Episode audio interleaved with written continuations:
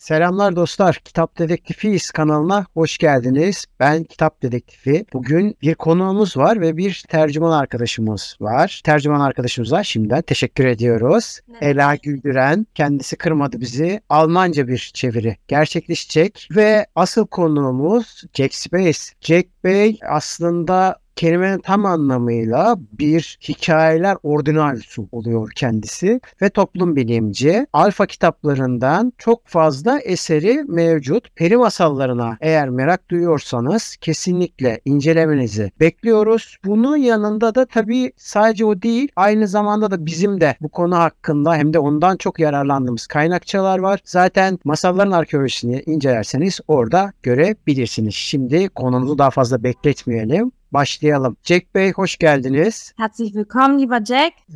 Dankeschön. Teşekkür ederim. Öncelikle ilk sorumuzla başlamak istiyorum izninizle. Äh, Ich möchte mit der ersten Frage anfangen. Ja, So, ich würde sie auch gerne einmal kurz auf Deutsch vorlesen. Öncelikle masalların zaman içindeki değişimini incelediğimizde bu masalların geleneksel masal anlatımından farklılaştığını ya da değiştiğini görüyoruz. Bu konu hakkında neler söylemek istersiniz? So, wenn wir die Veränderung äh, der Märchen betrachten, tritt die Abweichung vom Klassischen in den Vordergrund. Und da stellt sich die Frage heraus, ähm, also inwieweit ist eine Ver Veränderung vorhanden und was würden Sie zu dem Thema gerne sagen? ja, diese Märchen äh, sind überall auf der Welt und äh, in jedem Land. Und, und wir, äh, wir müssen wissen, dass diese die Märchen uralt sind und äh, die stammen also von äh, von Stämmen, äh, die nicht mehr existieren. Äh, Und äh, die Leute in jedem Land, die setzen Regeln oder die äh, haben so bestimmte, sagen wir äh, auf Englisch, äh, wir sagen Customs. Äh, jedes Land hat ein bestimmter Prozess, wa- was ich, ich nenne es, ich, ich, nenne es, Entschuldigung, nenne es Civilizing Process.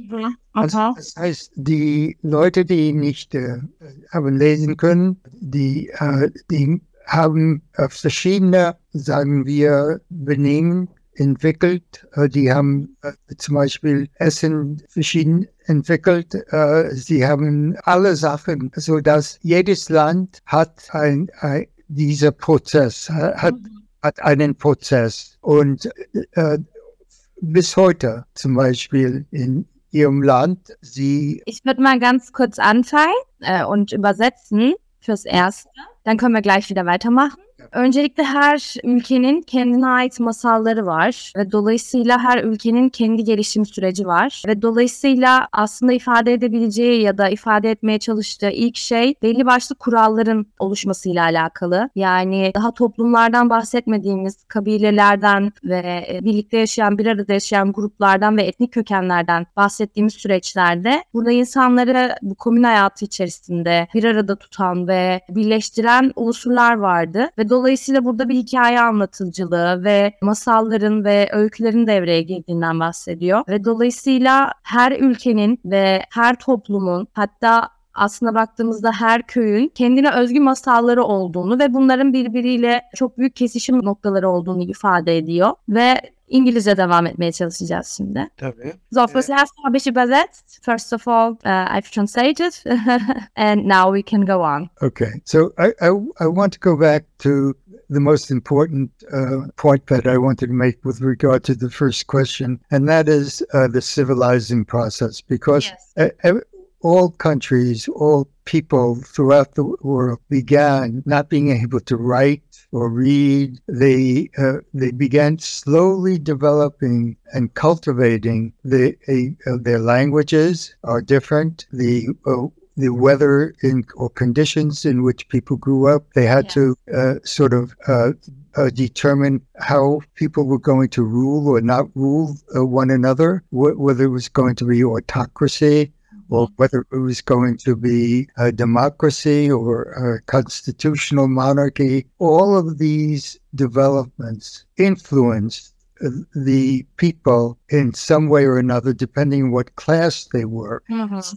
The stories they began to tell reflect the position in which they were in their societies. They also reflect the way people dressed, the way people uh, uh, ate, the way people related with one another, the way people worked, and so on. So it is really crucial to, even today, to understand that throughout the world, we tell stories differently.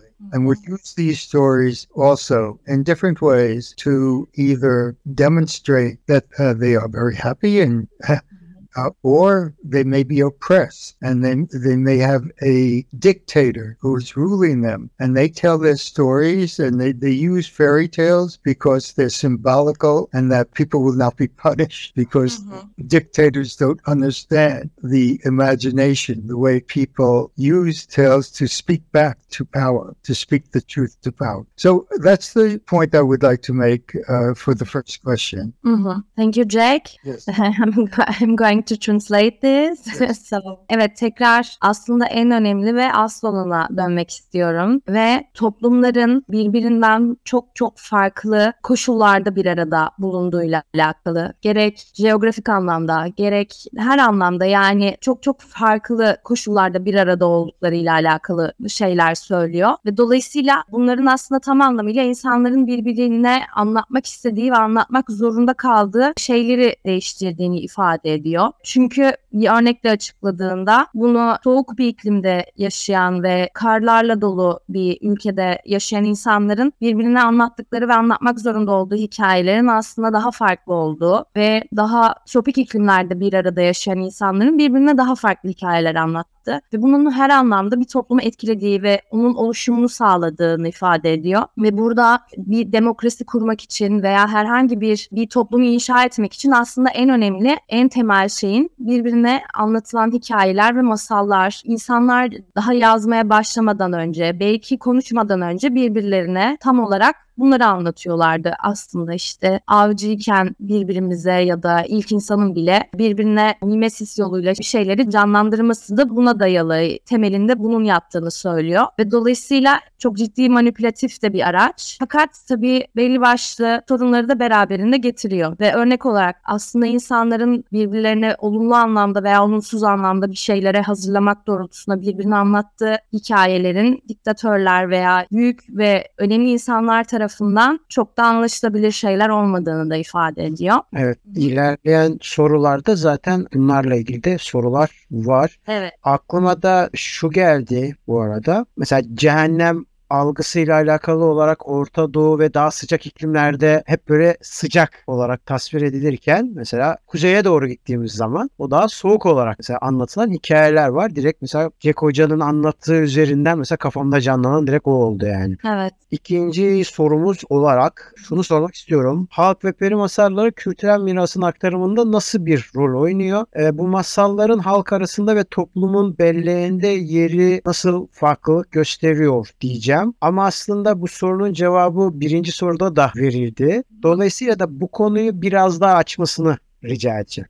Let's go to the second question. I think I have it in English. I have it in German. So, where is it? Just a second. What role do folk and fairy tales play in the transmission of cultural heritage? How do these tales differ among the people and in the memory of society? So, in the first answer, we did get some issues about this question, but what can you tell us more about this? Yes. Uh, in almost all societies up until the 20th century, uh, uh, there were no radios. There were no. There wasn't television. There were no movies. There were no phones, and so on and so forth. And so, what did people do? Uh, most people do. They gathered together in the evening after working hard, either in the fields or wherever they were, and uh, they began telling about what they did during that day. And they would tell these tales. They would, uh, in very imaginative ways,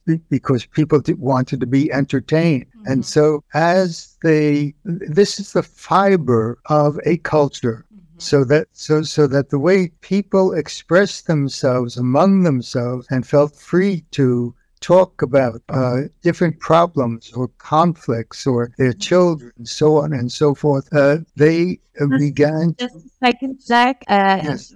Be too hard for me, so I just want to um, Okay. translate this and then we can go on. Is Okay. okay for you? You can always interrupt me. okay, thank you. Öncelikle şimdiye kadar söylediği şeyleri hızlıca bir tercüme edeyim. Aslında 20. yüzyıla kadar insanların ne radyosu vardı, ne televizyonu vardı ve bugün olduğu gibi herhangi bir sosyal medya aracı da yoktu ve do tabii yani dolayısıyla ve insanlar işlerini yaptıktan sonra da tarlada çalıştıktan sonra veya işte fabrikalarda çalıştıktan sonra bir araya gelip akşamları birbirlerine hikayeler anlatıyorlardı ve aslında bu bir problem çözme biçimiydi ve kendini ifade etme aracıydı ve bu bir toplumun oluşmasındaki yine en önemli ögelerden biri olduğunu ifade ediyor ve buna ek olarak şunu söylüyor. İnsanlar çocuklarıyla çözemediği problemlerini, eşleriyle konuşamadıkları şeyleri birbirlerine hikaye anlatırcasına anlatıyordu ve bu hem bir tırnak içinde stres atma biçimi hem de birbirini eğlendirme biçimine dönüşmüştü. Şimdi devam ediyoruz. We can go on, Jack. Thank you. Yes. Okay. So when uh, people, you know, had a marriage or, or when a child was born, uh, when uh, there were catastrophes, uh, you know, in, in the communities or there were, were uh, wars and things like that, people told tales. Uh, They, they told tales up, up and still do up, up, up through today. Uh, but, but of course, it, that was the only way in up, until the 20th century that people could communicate and celebrate you know the the types of living they want to live because they live even today most communities are small. They're not they're not like new york city or paris or london or so, or, or so on. They get together to- and and build uh, traditions. Mm-hmm. These traditions not today of course they're passed out not only by word of mouth or but through writing through mm-hmm. newspaper through social media and so forth so that we have uh, in in the world today we still have uh, all of our communities all of our societies are held together by narratives the narratives we create that bring us together, that make us feel good, that, that make us feel strong, or to comp- or this is some some quite often narratives are strikes or are objections to the way uh, certain rulers rule the world, and so uh, stories are extremely important because it's uh, our our way to sort of con- continue uh, certain uh, let us say ways of living that we hold as significant for our welfare. Yes. So aslında insanlar az önce söylediği şeyi tekrar hem yineliyor hem de ek olarak şunu söylüyor. İnsanlar evlendi ve çocuk doğurdu ve tam da burada yaşadıkları en elzem ve en can alıcı problemleri çözemediklerinde birbirlerine tutundular. Ve bu aslında en önemlisi bir gelenek oluşturmak. Burada birbirlerine anlattıkları hikayeler doğrultusunda tek olmadıklarını ve aslında bireyin toplumla olan ilişkisini ön plana taşıdığı ve yalnız olmadığı, yalnız hissetmediği bir noktada bir gelenek yaratıldı ve bunu e, hadi bir gelenek yaratalım diye değil de aslında sıkıntılarla ve e, hayatta hep bir yaşama içgüdüsüyle ve yaşama tutunma çabasıyla insanlar bunu yaptılar. Yani burada aslında güdüsel bir şey ön plana çıkıyor ve insanın hayata tutunması için en elzem şeylerden biri olduğunu ifade ediyor kısaca. Ben üçüncü soruya geçiyorum o zaman. Peki peri masallarını yazan yazarların masallara katkıları ne şekilde olmuş? Mesela Grimm kardeşlerin özellikle 3-4 defa bilinen ve tespit edilen değişiklik olduğu biliniyor. Müdahale ettiği biliniyor. Bu konuda neler söyleyebilirsiniz? Yani insanların müdahaleleri ne şekilde olmuştur? Hikayelere günümüze yazılı olarak aktaranların özellikle. So we are going to the third question, Jack. Um, Yes. Can you explain how the authors of fairy tales contribute to the fairy tales? For example, through famous authors such as the Brothers Grimm. Yes. Yeah. Well, as uh, I mentioned before, the the, the technology in uh, in the in the medieval period did not exist. It's slowly uh, uh, uh, people be, uh, developed the printing press, and uh, and uh, people began to write and save uh, particular stories uh, that they gathered from the people who were telling them in the oral tradition. And the Brothers Grimm, in the um, approximately uh, the uh, 1780s, 90s, uh, into the 1800s, and so on, um, they began uh, uh, among, and they were not the first ones, but they uh, they were highly dedicated uh, to collecting tales, writing them down from uh, their friends, from uh, listening to women in the city in which they grew up, and they began a tradition of of protecting culture. In, in, other words, their task, their mission was to select the the uh, so that they wouldn't be forgotten to select the best tales that represented uh, the essence of the culture in which uh, they were living. So each country, so in each country or each community and so on, there were uh, these uh, different sets of stories. But most people ignored them. They said, you know, what value do these tales have? They're just the peasants, the stupid peasants who can't speak, who, I mean, who can't write or read and so on. Why should we pay any attention to them?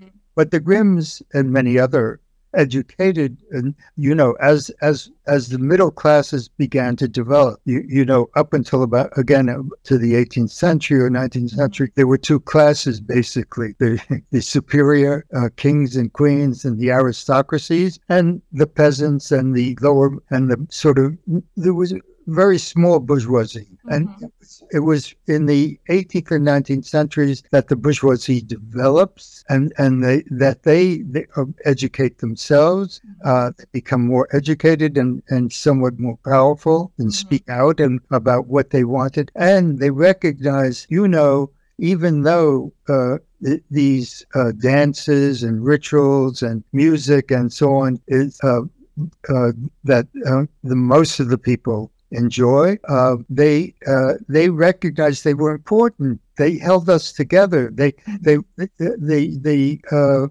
showed how unique our culture is, our language, and so on. And so it was the Grimms set a model in in the 19th century for many, throughout the world. Okay, I mean it's strange how how they're they're they uh, their tales that they collected had an impact on many, many other middle class, mainly the middle class uh, uh, or bourgeoisie, recognized that we've got to save these. And so that's what happened uh, at, at this time. Mm-hmm. Thank you, Jack.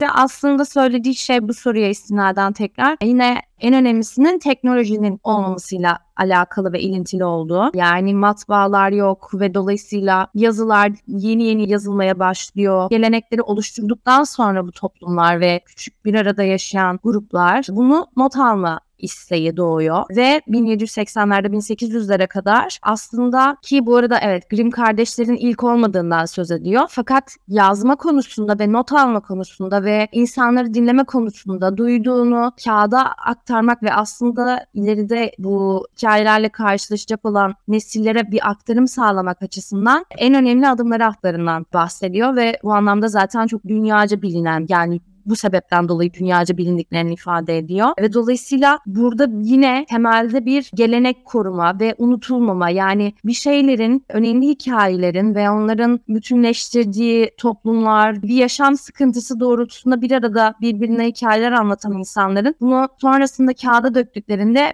bir sonraki kuşaklara aslında bir kolaylık sağlayacağı düşüncesi ve bunların kültürel bu mirasın unutulmaması ve devam etmesi açısından çok önemli olduğunu ifade ediyor. Tabii ilk etapta bir de Burjuvazi'den bahsediyor. Dolayısıyla 17. yüzyıla kadar yani iki sınıfın yoğunlukta olduğu ve aristokrasinin yoğunlukta olduğu ve aslında küçük burjuva diyebileceğimiz bir sınıfın yoğunlukta olduğunu ifade ediyor. Ve dolayısıyla burada aslında ilk etapta çok da fazla değer verilmediğini anlatıyor bu anlatılan masallara. Fakat ne zaman ki 17. yüzyılda birlikte burjuvazinin gelişimi sağlanıyor ve onların büyüdüğünü görüyoruz ve zaten burjuva devrimi gerçekleşiyor ve dolayısıyla burada belli başlı sorular belirliyor ve aslında tam da bu aşamadan sonra insan insanların bu hikayelere ve bu masallara daha da fazla tutulduğunu görüyoruz. Ve tam da bu işte hikaye anlatıcılığı ve bu hikayelerin okunması gerçekliği ve bu ritüellerin oluşturulması yine buradaki bir arada olmayı ve bir arada yaşamayı kolaylaştıran en yine temel ve elzem unsur olduğunu yineliyor. Ve 19. yüzyıla geldiğimizde artık Grimm kardeşlerin hakikaten neredeyse tüm dünya tarafından bilindiğini görüyoruz. Tam da bu arşiv ve yazma isteğiyle. Çünkü her şeyi, duydukları her şeyi yazmışlar. Masallarda kadın karakterlerin rolü hakkında ne düşündüğünü merak etmekle birlikte kadınlar genellikle böyle prenses ve kurtarılmayı bekleyen bir aslında nasıl diyelim metalar gibi gösteriliyor. Dolayısıyla da bu noktada masallar nerede duruyor? Birincisi o. İkincisi de kadın karakterlerin ev içi görevlerle sık sık ilişkilendirildiğini de tabii ki görüyoruz. Yani kurtarıldıktan sonra evin içinde de kurtarılamıyorlar bir hal var. Bu konu hakkında masalların etkisi nedir? Bunu merak So Jack, let's go through the uh, fifth question because um so the fourth one you've um, replayed it already. So let's uh, go to the fifth question. What do you think about the role of female characters in fairy tales? How are they usually represented, and what impact do these represent uh, representations have on gender pers- uh, perceptions? Yes. For example, we often see female characters in stereotypical roles such as princess or witch, often being rescued or presented as what does it mean? Dependent on men. So defined only through love and marriage. Features such as beauty and passivity. And generally, female characters are frequently associated with domestic duties. What can you say about this subject? Uh, I, I could write a book about it. That's what I yes, of course. It's a it's a long theme, I know, but It's, it's a very important thing. hakkında bir kitap yazabilirim diyor bu arada.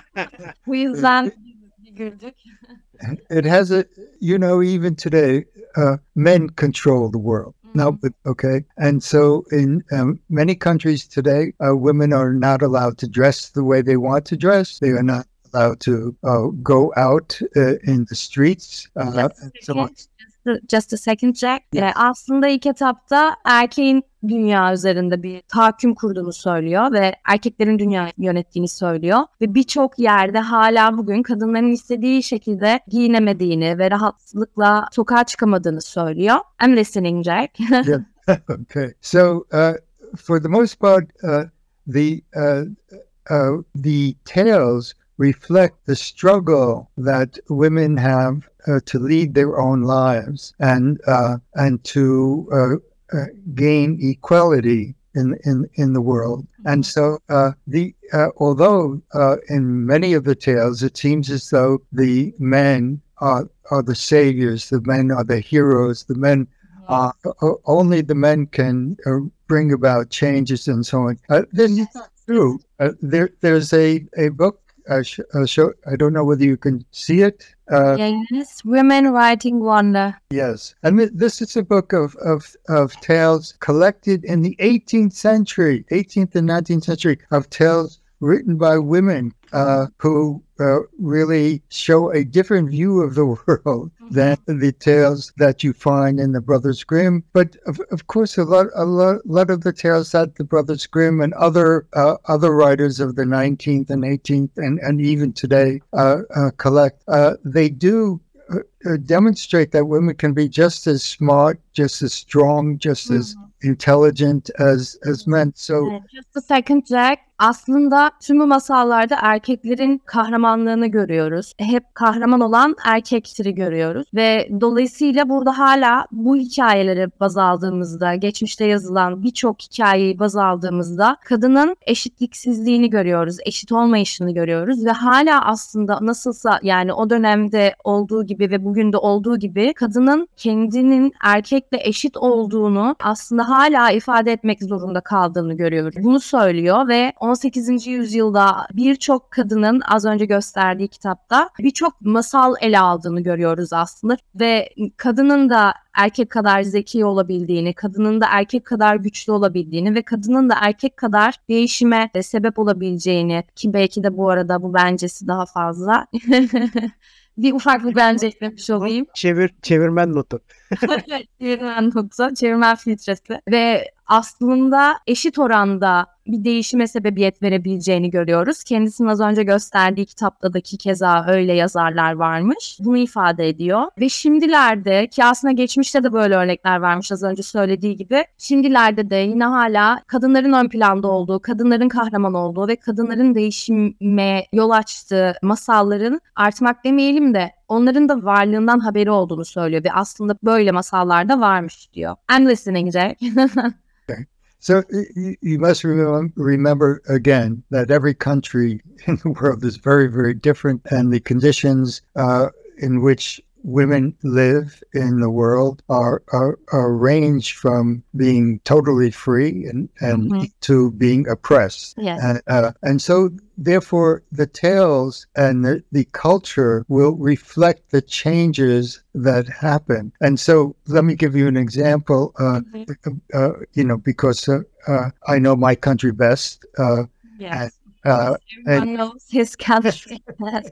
but I but I've also lived in Europe for 10, 20 years Oh, really? Okay. and, and in many different countries uh-huh. and taught and so on. So I, I have a good idea of, say, Western Europe. And, So you know, just a second Jack before the example. I'm just going to translate. Ve aslında tekrar unutulmaması gereken şeye bir atıfta bulunuyor. Ve şunu söylüyor. Her ülke ve her kültür birbirinden çok farklı kesişim noktaları olsa da çok çok farklı olduğu için her toplumun içerisinde kadınların varoluşu çok farklı. Ve dolayısıyla bir ülkeye gittiğimizde tamamen başka şeyler konuşuluyor. Kadınlarla alakalı, yapabilecekleriyle alakalı ve belki soru işaretleri bile yok ve konuşulan herhangi bir şey yok çünkü çok eşit yaşıyorlar. Fakat bugün hala başka ülkelerde ve başka kültürlerde kadınların ne kadar bastırıldığını ve eğitim dahi alamadığını görüyoruz aslında. Ve tam da buna istinaden bir örnek verecek şimdi. Yes, what was the example? yes. So when I grew up, I, I'm a very old man. I was born in 1937. And so, Oh, really? Yes. Okay. Yes, so so uh, women in the United States uh, were considered considered secondary. My father uh, and uh, boss was the king in, in, in the family and so on. And uh, in the 1960s in America, however, things began to change. Yes. There was a women's movement. Uh, there was a, a movement uh, to um, uh, against uh, anti-Semitism. There was a, a, a, a movement against racism against the blacks or, or the American in, indi- indigenous Indians. In America, has changed. You cannot not imagine how, in my eyes, it's changed greatly. Uh, so that w- women and men work together to try to present options to uh, dictatorships or to fasc- fascism and so on. And so this the tales that women and men are writing today in in, in America, in France, in Italy, uh, these are the countries I know best, the UK, and so on, are remark. They are. It's exciting because what they do is they take the Grimm's tales, or that that uh, are very sexist, or they take some other tales from the past and they rewrite them, and they they make them into different places, and they and they show how stupid men are, and Nice.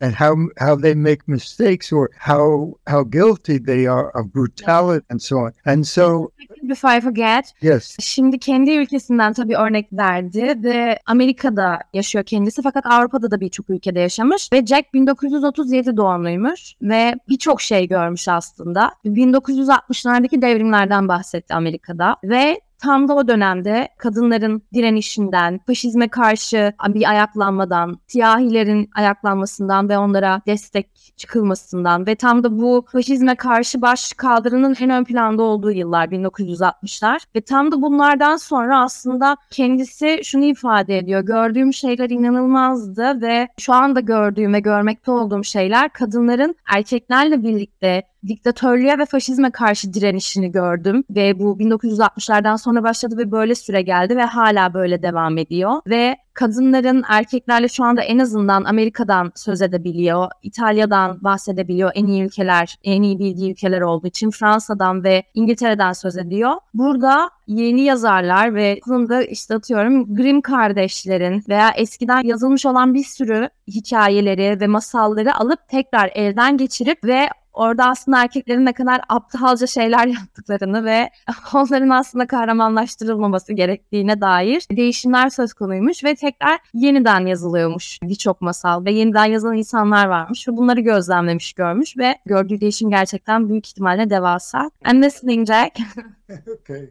so, uh, so uh, basically, uh, are we still staying on this uh, topic of, of, of women? Uh, uh, or, or let- us just say uh, that um, at least in the in the Western European and, and American uh, countries, North America and South America, even South South America less so, women have, have fought for their own rights, and uh, they are, are producing books that are just marvelous. Not not they're not just feminists in the sense that they politically argue for the rights of women. It's just that they're free to express uh, themselves the way they want to express themselves. And of course, they they uh, because they want equal rights for, for women and, and, and people from the lower classes. Uh, their books tend to be very exciting because they openly deal with the conflict so that people learn and can educate themselves about what is happening in the world.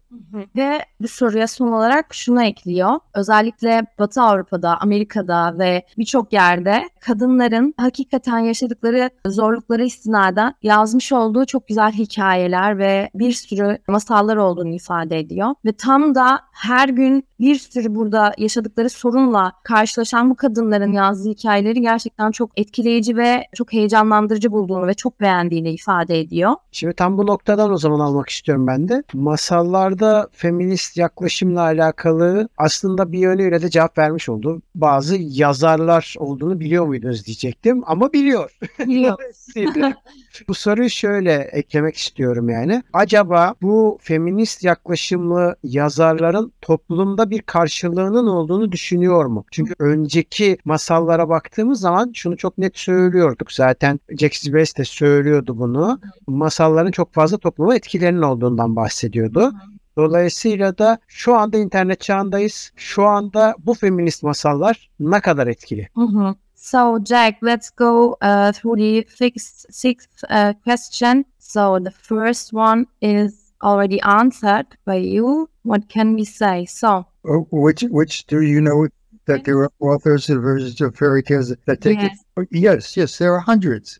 uh, I think we yeah, should. yeah, yeah. You just you you you just already answered the question. Because of that, I'm just uh, going to change the question a little. Uh, so, what do you think about uh, feminist fairy tales? Yes. and the potential of these versions of um, in the society and uh, in the raise awareness of gender equality. Yes, like Yes. this, I think I can change maybe the question. Oh, okay. Well, we'll make it very short because I want to get on to some other uh, some of the other questions. But in Yes. in 1960 was a the the a very important period. The Vietnam War was being uh, at that time in in the 1960s, but it was not just that. The, the the protests against the Vietnam War and in the United States and also in other countries led to a um, uh, uh, all types of progressive movements began in, uh, to be organized, and uh, people were able to say and do what they wanted to do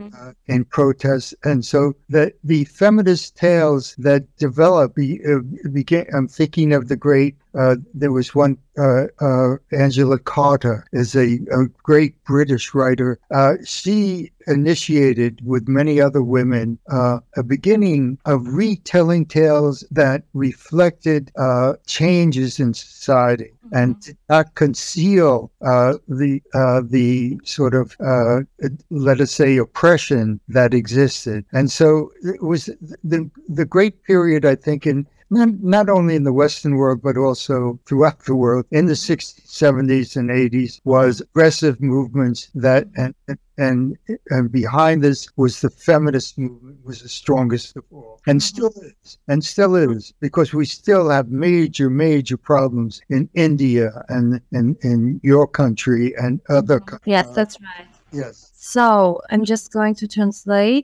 Evet, aslında kısaca cevaplamak istediğini söyledi.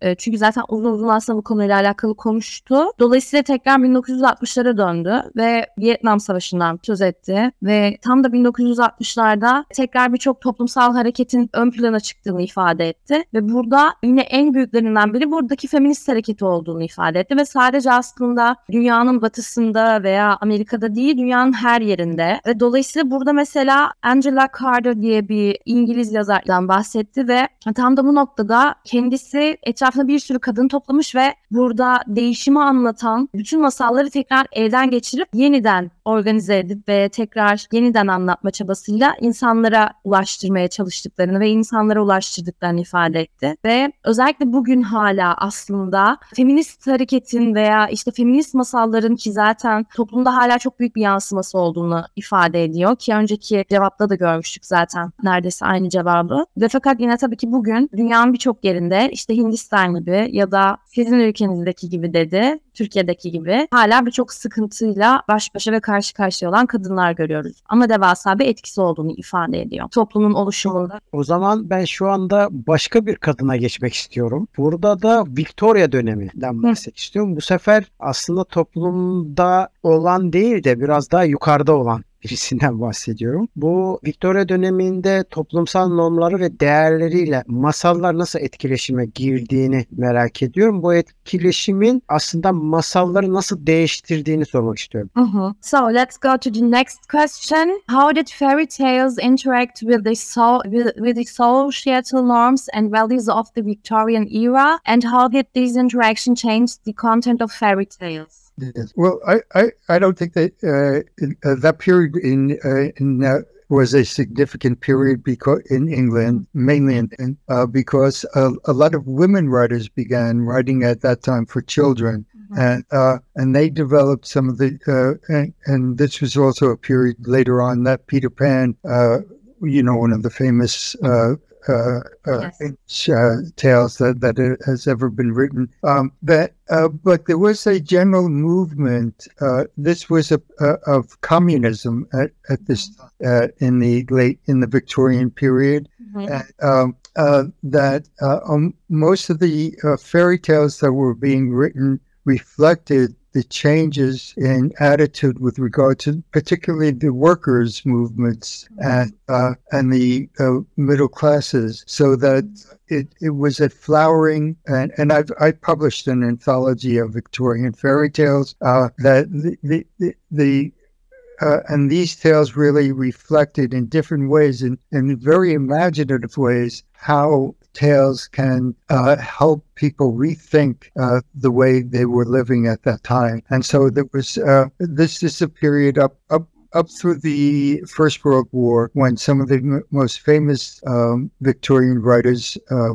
began uh, or, or wrote their works. Hı hı. Evet aslında çok önemli bir dönem olduğundan bahsediyor masallar açısından ve tam da o dönemde kadınların çocuklar için özellikle çocuklar için toplumun en manipülasyon gerektirdiği bireyleri diyelim çocuklar için masallar yazdığından söz ediyor ve bu dönemde aslında komünizmin artışta olduğu bir süreç ve işte Peter Pan'ın doğduğu bir süreç ve aslında çok zengin bir sürece giriş yaptığından bahsediyor. Özellikle masalların dönüşümünü Victorian dönemde daha farklı gözlemliyoruz. Çünkü bir işçi sınıfı beliriyor, bir proleter beliriyor ve dolayısıyla burada daha tırnak içerisinde eşitlikçi yazarlar ön plana çıkıyor. Genellikle işte dediğim gibi kadın yazarların çocuklar için yazdığı masalların ön plana çıktığını ifade ediyor. Ve tam da bu noktada yine farklı bir dayanışma ağı ön plana çıkmış oluyor. Ve insanların bulundukları tam da o dönem içerisinde bulundukları sıkıntılı ve bir sürü sorunla yeniden karşılaştığı ve bastırıldığı süreçte insanların yeniden düşünmeye başladığı ve düşünce biçimini aslında değiştirmeye başladığı bir süreçte ortaya çıkan masallar, masalların olduğunu söylüyor ve özellikle bu dönemin çok önemli olduğunu ifade ediyor. Bu noktada o zaman şunu sorabiliriz diye düşünüyorum tam bu yerden.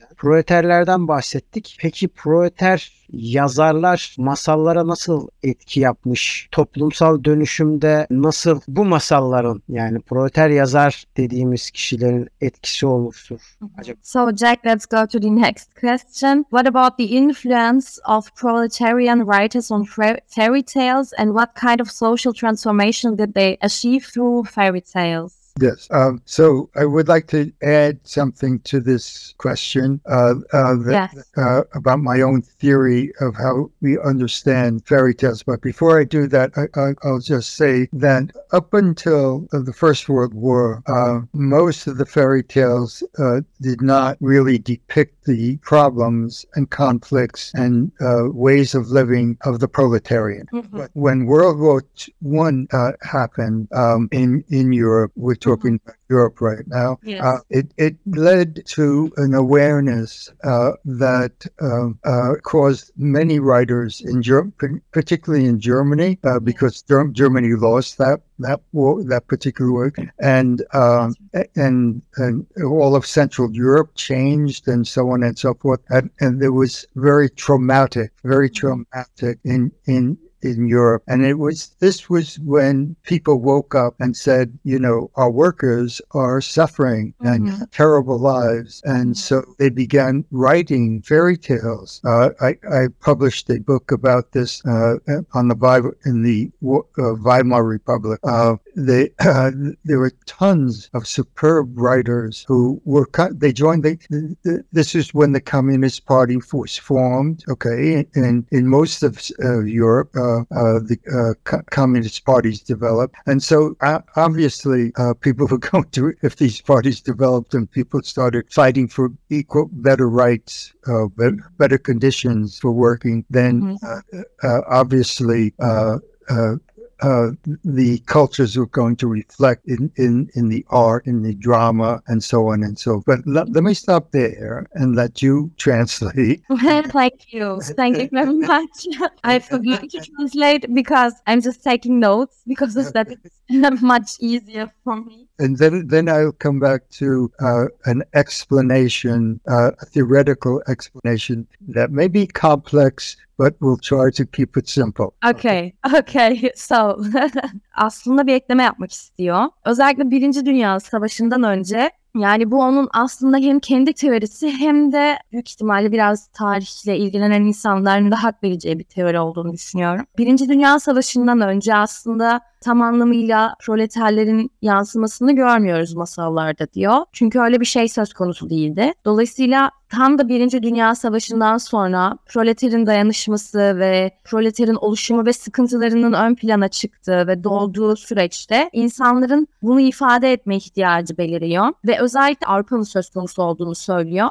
Almanya bu yani Birinci Dünya Savaşı'nın sorumlusunun tabii Almanya'dan olduğu herkes tarafından biliniyor ve çok dramatik bir Avrupa görüyoruz aslında. Yıkım ve enkaz içerisinde bir Avrupa görüyoruz. Bir Almanya görüyoruz. Dolayısıyla tüm ülkelere baktığımızda çok fazla işçi açığı beliriyor ve işçilerin durdurak bilmeden çalışmak zorunda olduğunu görüntülüyoruz ve kayıtlara geçen de bu ve dolayısıyla tam da bu noktada işçilerin yaşadığı sıkıntının ön plana çıktığı süreçte burada proleterin büyük ve devasa kendi akışında ve yaşantısında çünkü hayatın gerçekliği bu o dönemde. Tam da bu doğrultuda tabii ki masalları devasa bir oranda etkilediğini ifade ediyor. Bir kere komünizmin tam anlamıyla özellikle doğuşunu görüyoruz ve bu kadar bariz bir değişim süreci içerisindeyken bu değişimi masallarda görmemek mümkünsüz. İşçi sınıfının yaşadığı sıkıntıları ön plana taşıyan hikayeler görüyoruz ve bu artık o döneme dair kültürel bir kodlama haline geliyor. Kültürün asıl yansıması işçilerin dayanışması doğrultusunda gelişiyor diyor. So, I am ready. You're ready. Okay. So I want to introduce to a, a, uh something that's very important for fairy tales, but but but for uh, but not just for fairy tales. But I'm I'm going to focus on that. Uh, do you know what a meme meme is? A meme. Meme. Yes. Uh, so I know it, but maybe not everyone knows it. So we would love to. You know, invented the term. Richard Dawkins. No, I didn't get the name. What was the name? Richard Dawkins. Richard Dawkins. Yes. Yes, I'm listening. I've You know who he is. No, I don't know him. Okay, he's a famous biologist uh, who wrote an important book in uh, the 1980s about genes, uh, about how genes uh, determine to a great extent how we're going to be as human. Uh, uh, in, uh, uh, the the genes that I get from my mother and father, or your mother and father, influence you. Uh, uh, you they're actually passed on genetic to you. Yes. Okay. And at the end of the book that he wrote, uh, he was one of the first biologists who really uh, understood how genes act in, in our lives. And so he, at the end of the book, he, he said there are not only genes, but memes. Hmm. And so, okay, so for him, a meme is a piece of knowledge Mhm. okay, important knowledge, information that is passed on to you in in your brain. That we actually have these memes uh, influence our brains, and we pass them on to one another. Mm-hmm. Okay, okay. So let's stop there, and and then you can tran- translate, and I'll move to the next step. Thank you. Thank you Jack. Bize önemli birini tanıtmak istiyor ve burada Richard Dawkins diye birinden bahsediyor.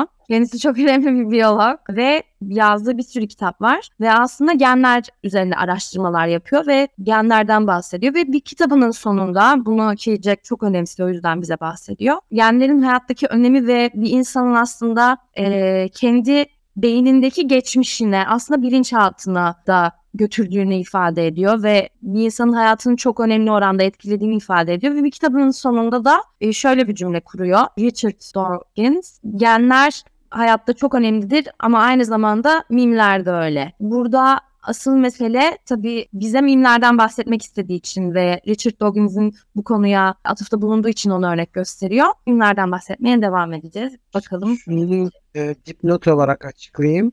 Uçan salyangoz zaten bu konu hakkında da yine anlatmıştı. Masalların arkeolojisinde ve kaynakçı olarak da zaten Jack Hoca'nın kaynakçısından da yararlanmıştı. So Jack, I'm listening. Okay, so uh, be- because of Dawkins, a, a Mhm. lot of philosophers and scientists developed memetics. Okay, memetics is a theory of memes. How what do memes mean for us, and so on. And so I wanted to show you that for, why meme the meme or memet, memetics is very important for the understanding of fairy tales, but not only of fairy tales. Uh, why is it we? I'm asking. I ask a question is it that we only remember a certain we don't remember all the fairy tales but we remember uh, you know 10 or 20 fairy tales wherever I, uh, and and wherever I have gone in the world whenever I've worked with children and I work a lot with, as a storyteller with children I go into the classroom and I say who knows uh, Little Red Riding Hood and all the children raise their hand and say yeah we I know it and so on and then I ask them to tell the tale and so on and they generally know it, some parts of it. They generally, it's very funny uh, what they remember and so on. But the thing that is essential for understanding the power of fairy tales is that uh, it, uh, certain fairy tales are memetic because they have not gone away. In, in other words, we passed we passed the tale uh, uh, of Little Red Riding Hood on to all over the world, wherever I've gone in the world, even in Japan, and so on. So, why? We have to ask the question: What is it about this tale? And I argue, and my friends think I'm crazy, uh, that uh, the uh, there is something essential. It's the, the, so a meme has information essential information for living in our world. And and if you look at uh, Little Red Riding Hood, it's a tale about rape. A tale about a rape. Rape. A girl goes into the forest, and a wolf uh, follows her, and then eats her grandmother and eats her, Yes. and she's punished at the end. And uh, this tale does not go away. Uh, my argument is because women are being raped every four minutes in the world today.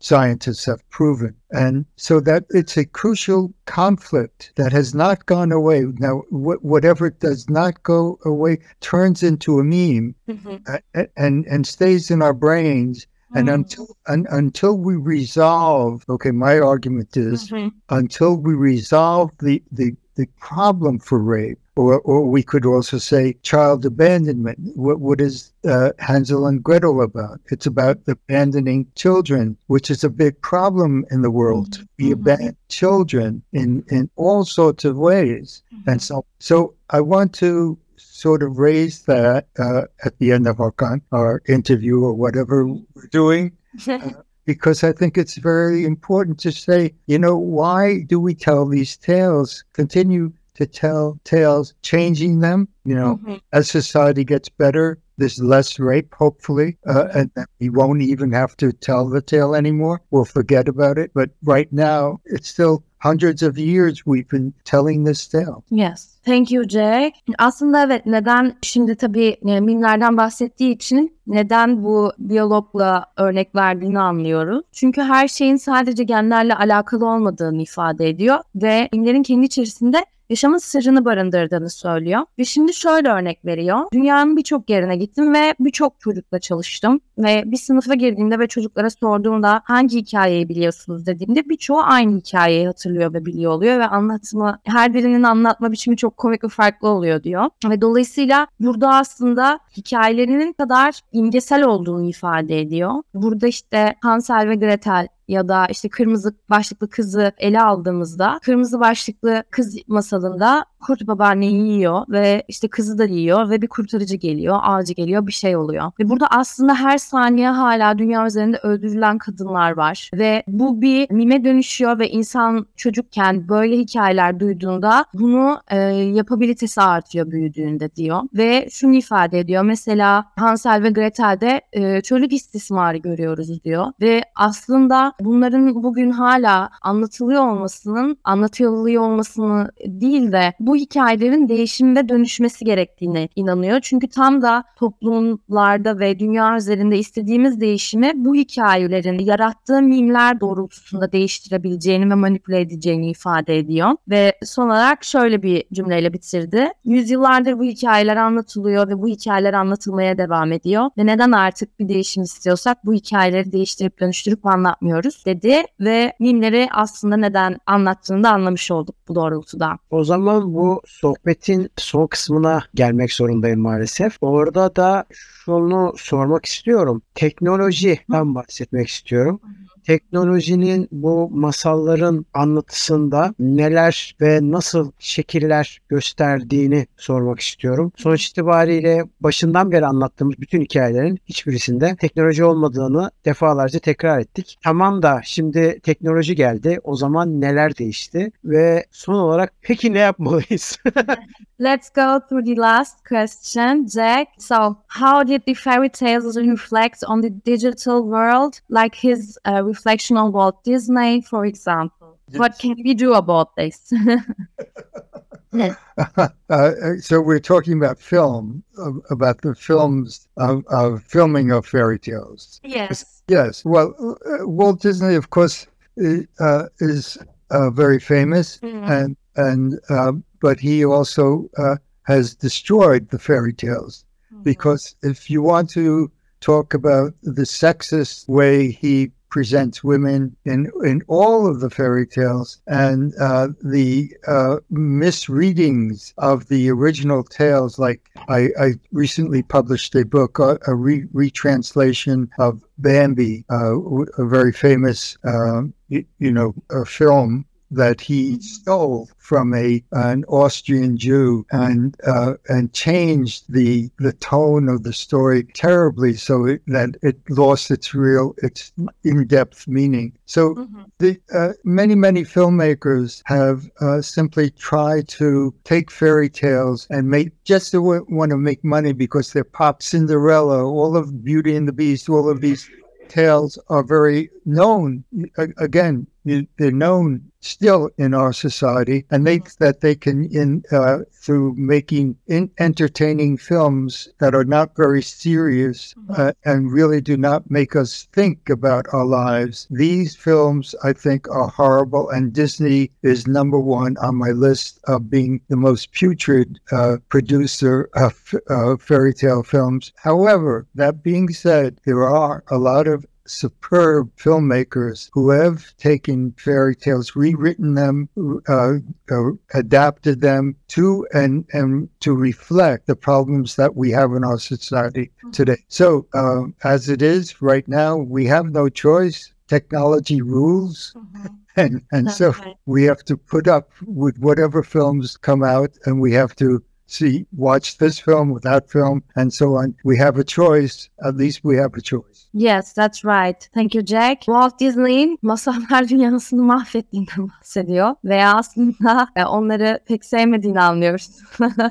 Disney onun kara listesinde birinci sırada anladığım kadarıyla. Ve e, popülizme karşı savaş açmış biri diyebiliriz gerçekten.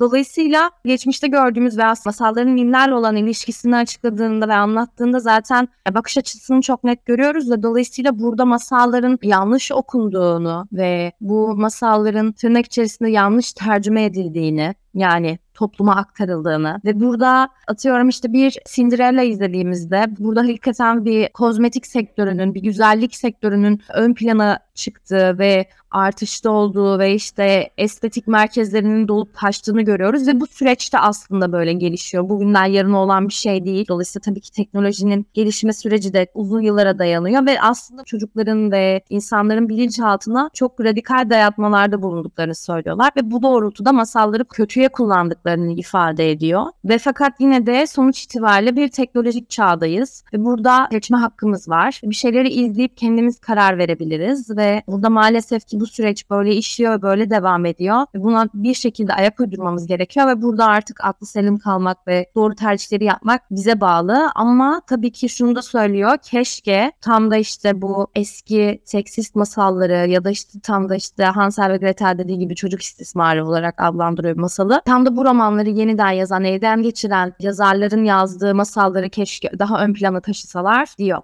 Jack, do you have anything else you want to tell us? No, I think it's been a very interesting experience for me. Uh, really, it was really um, uh, so how do you say um, really reflective and thank you for um, all this uh, information yes. Well, I, I appreciate your uh, taking your time out to talk to me, and it's it's it's been a, a, a wonderful time. And thank you for inviting me uh, to talk with you. Thank you very much. Just a second, I'm going to translate. Kendisi çok teşekkür ediyor. Çok kaliteli vakit geçirdiğini söylüyor. Ee, ona zaman ayırdığımız için ve onu davet ettiğiniz için size çok teşekkür ediyor. Ve çok keyif aldığını ifade ediyor. Ben de ona teşekkür ettim. Bize çok güzel bilgiler aktardığı için ben de ona teşekkür ettim. Biz teşekkür ederiz. You. Bu arada şunu da belirtelim. Birazcık babaanne vedası gibi olacak ama Türkiye'ye gelirse her zaman ağırlamaktan ve gezdirmekten mutluluk duyarız. So, Jack, you know, we're from Turkey and we are living in Turkey. Yes. And uh, one day when you're maybe in Istanbul, we would love to uh, see you and um, we would love to make a tour with you. Yes. So um, maybe in better days, in a better future. Yes. yes. Thank you. Okay. Well, I, I thank you very much for suggesting that. And if I ever can, I will try to get to Istanbul. Okay. Thank you. Ee, çok teşekkür ediyor bu teklifin için ve İstanbul'a inşallah bir gün geldiğinde bu teklifi söz konusu olacaktır yani. Okay. Thank you very much. It was, again, it was very wonderful talking to you. Bye bye. Bye bye. Bye bye.